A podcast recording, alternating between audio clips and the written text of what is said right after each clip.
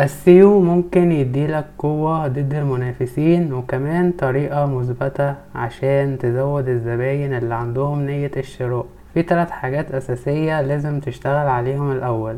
ال SEO على الصفحة معناه التحسينات اللي بتعملها جوه موقعك عشان تزود فرصة ظهورك في نتائج محركات البحث.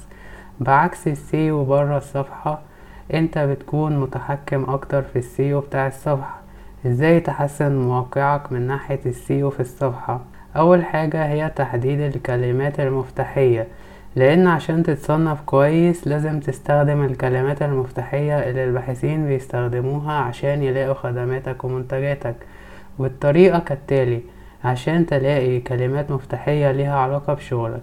حدد المشاكل اللي الخدمة بتاعتك بتحلها للزبون.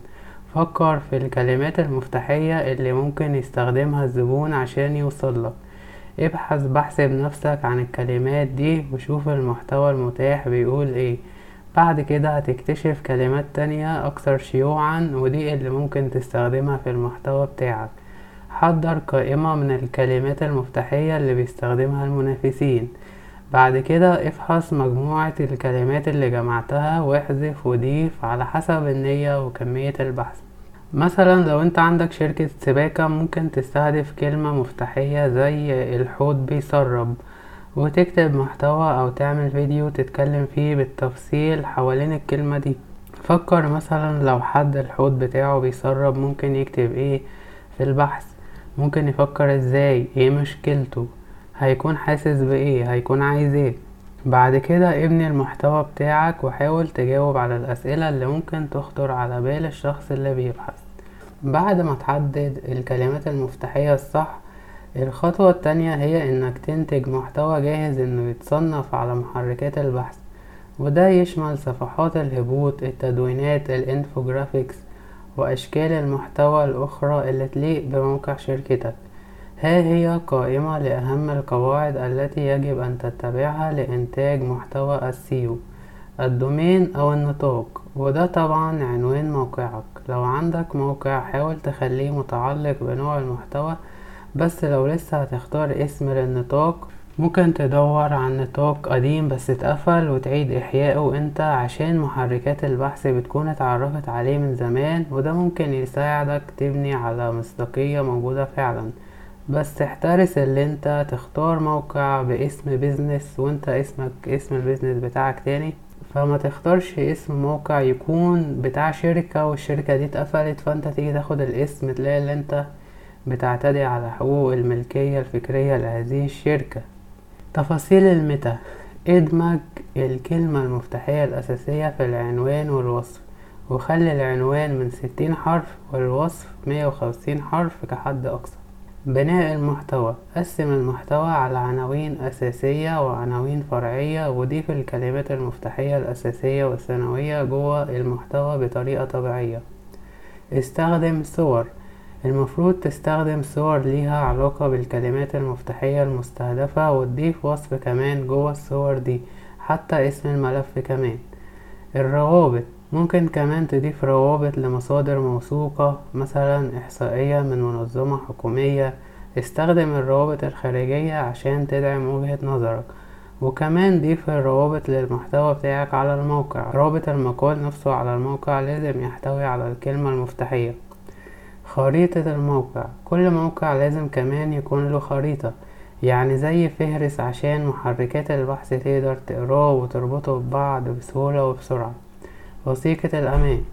ممكن كمان تشت... ممكن كمان تشتري وثيقة تأمين وتثبتها على الموقع ودي هدفها إنها تشفر بيانات الزائر عشان محدش يعترض الإرسال.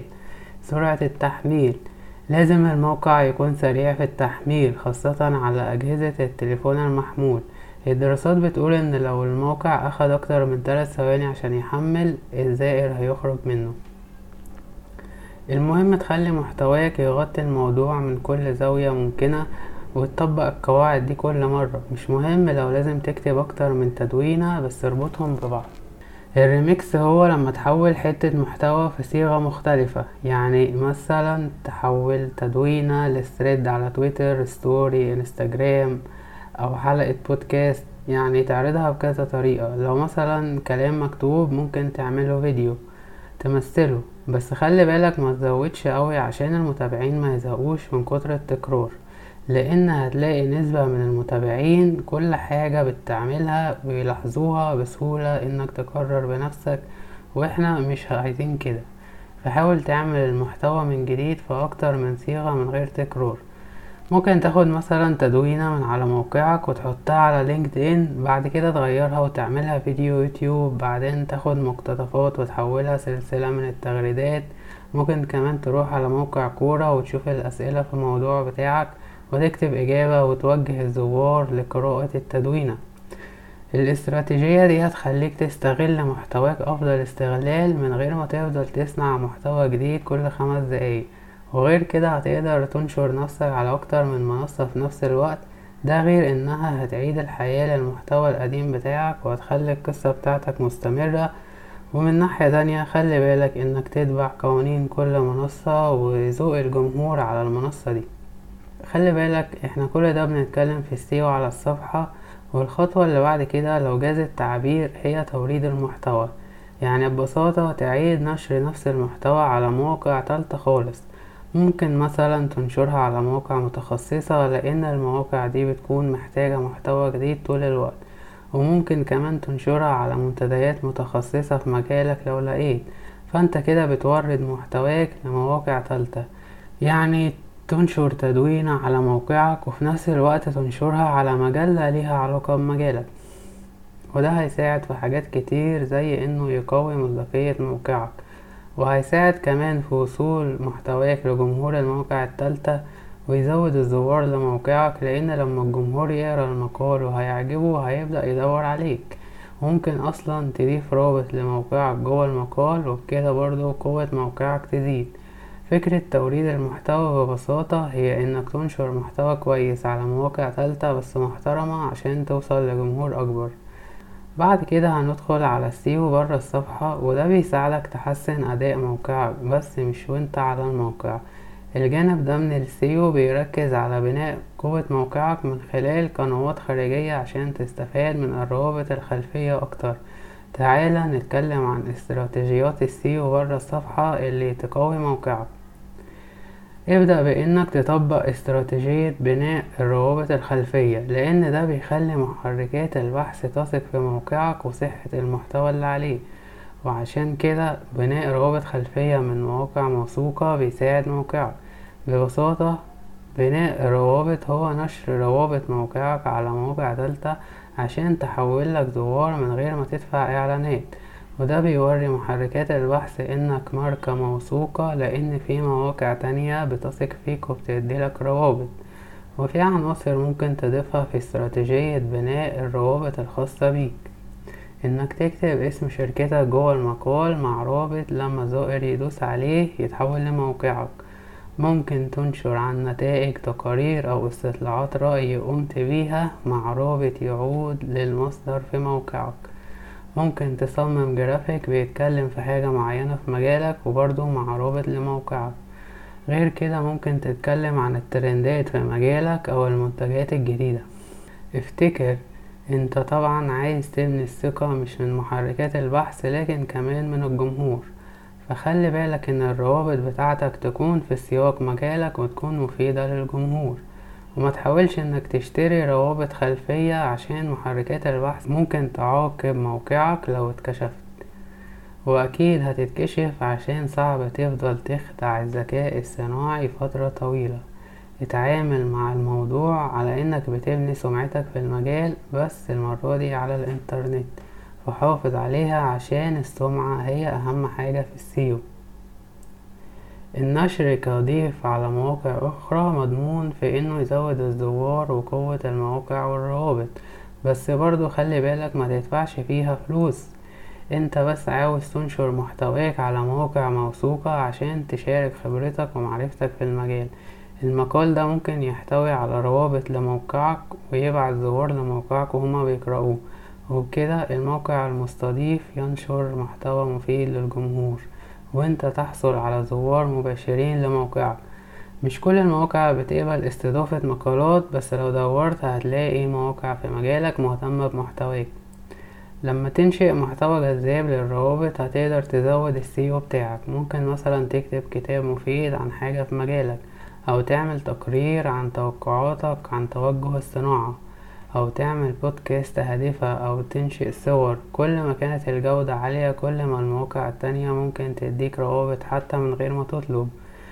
وبعد كده الأصول دي ممكن أنت كمان تعملها روابط لما تعمل محتوى جديد وتذكرها في أي محتوى بتعمله. وده هيزود السيو بتاعك لما يكون موقعك مترابط أصلا. ممكن ده يبقى صعب في الأول بس بعد كده هتلاقي عامل زي كرة التلج اللي بتبدأ صغيرة وتتضاعف لما تتدحرج من فوق الجبل الجليد. النشر على المنتديات يعتبر ممارسة مهمة من ممارسات السيو بره الصفحة بتساعد في بناء الثقة والتعرف على شركتك بين الجمهور.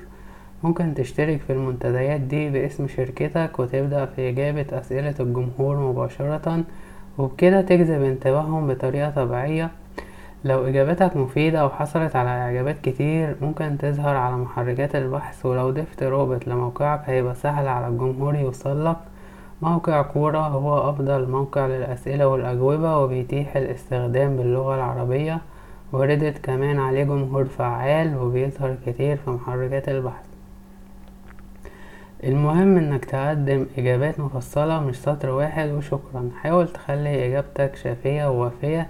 يعني مش عشان مجرد بس تضيف رابط موقعك. كرة بتقدر تقيم إجاباتك على حسب تفاعل الجمهور وكل ما إجاباتك تكون أحسن كل ما فرصتك في الظهور بتزيد وبتحصل على احترام الجمهور وثقته. ممكن بعد ما تقدم إجابة كاملة تدعو الجمهور لزيارة موقعك عشان يعرفوا أكتر. غير كده كورة بتسمح لك إنك تضيف مؤهلاتك عشان تزود ثقة الجمهور فيك وتدي إجاباتك مصداقية أكتر. ده غير إنها بتتيح لك تختار مواضيع معينة تقدر تركز فيها. يعني تختار مجال تخصصك وهيظهر لك كل الأسئلة في المجال ده. وبكده تقدر تتخصص في مجالك وتصبح مشهور فيه من غير تعب غير إنك بتجاوب على الأسئلة. مش كده وبس كورة برضو فيها مساحات مخصصة لكل مجال ودي من جنبها بتقدر تلاقي فيه جمهور كتير محتاج إجاباتك. بالتالي محتاج برضو خدماتك اللي ممكن تساعدهم في حل مشاكلهم. أصعب حاجة في السيو هي الناحية الفنية ودي بتشمل الأكواد وسرعة التحميل وسهولة استخدام الموقع وممكن تعمل كل حاجة صح بس لو الناحية الفنية بايظة هتبوظ كل حاجة. يعني زي ما بتبذل مجهود في إنشاء محتوى نافع لازم برضو تسهل على الجمهور الوصول له واستخدامه بسهولة وهو ده الهدف من السيو الفني. عشان كده أهم حاجات لازم تركز عليها هي سهولة التصفح وهيكلة الموقع يعني لازم تصمم موقع مريح للعين وسهل الواحد يتصفحه من غير مجهود ولازم يبقى الموقع فيه أقسام محددة يبقى سهل على محركات البحث فهرستها وأرشفتها.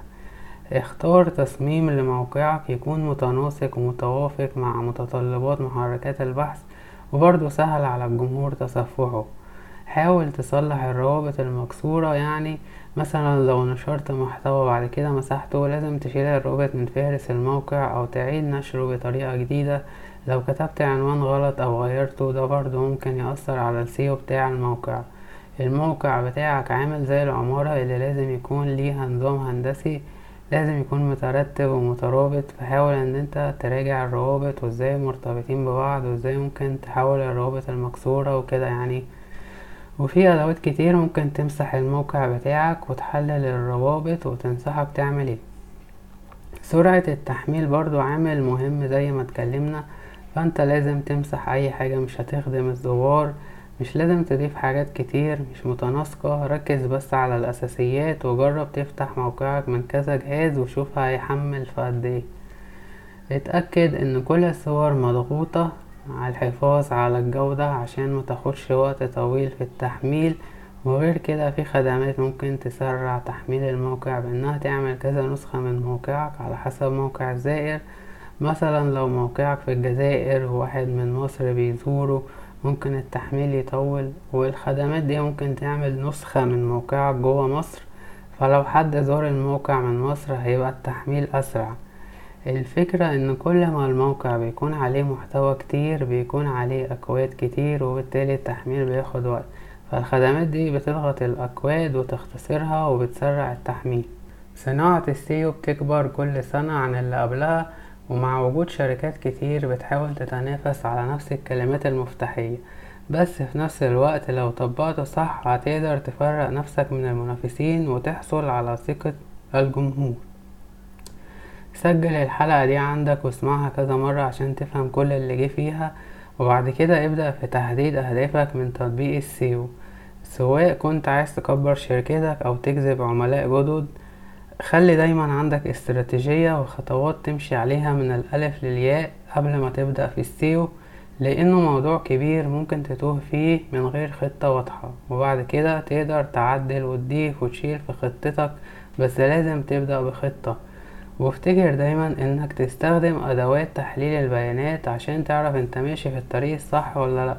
أداة زي Google Analytics four بتساعدك في جمع معلومات كتير عن زوار الموقع وأداء الموقع ككل فتقدر تستخدم البيانات دي في إرشادك على الاستراتيجية اللي تجيب نتائج كويسة. ودي نهاية الحلقة والحلقة الجاية لسه هنتكلم أكتر عن السيو. والحلقة هتكون بعنوان هل فات الأوان للدخول في لعبة السيو كلاعب جديد؟ انتظرونا.